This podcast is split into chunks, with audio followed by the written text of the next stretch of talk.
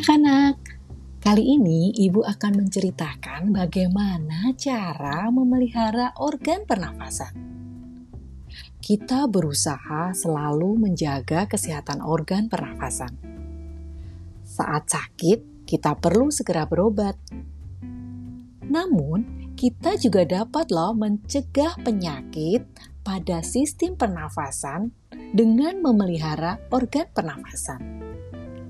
Berikut ini ada beberapa cara memelihara organ pernafasan.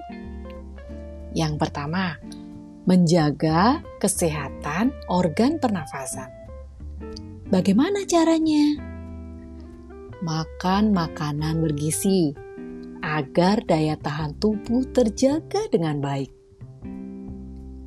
Berolahraga secara teratur supaya alat-alat pernafasan terlatih baik sehingga dapat bekerja dengan baik pula. Istirahat cukup dengan posisi tidur yang benar, miring ke kanan dan jangan telungkup. Yang kedua, menghindari zat-zat yang dapat merusak organ pernafasan. Tidak merokok dan menghindari paparan asap rokok. Karena asap rokok banyak mengandung racun. Menggunakan masker saat berada di luar lingkungan ruangan.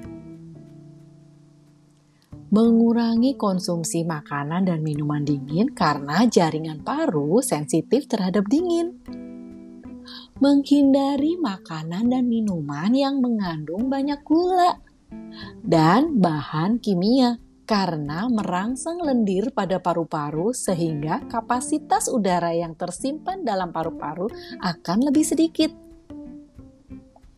Ketiga, merawat organ pernafasan.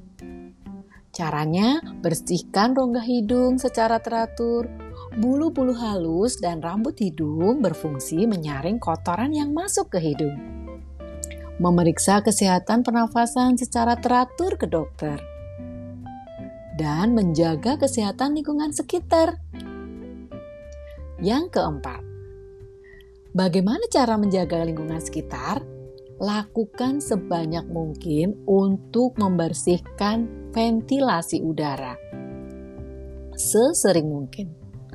Kemudian, jika bisa, perbanyak juga ventilasi yang ada di rumah supaya sirkulasi udaranya lebih banyak.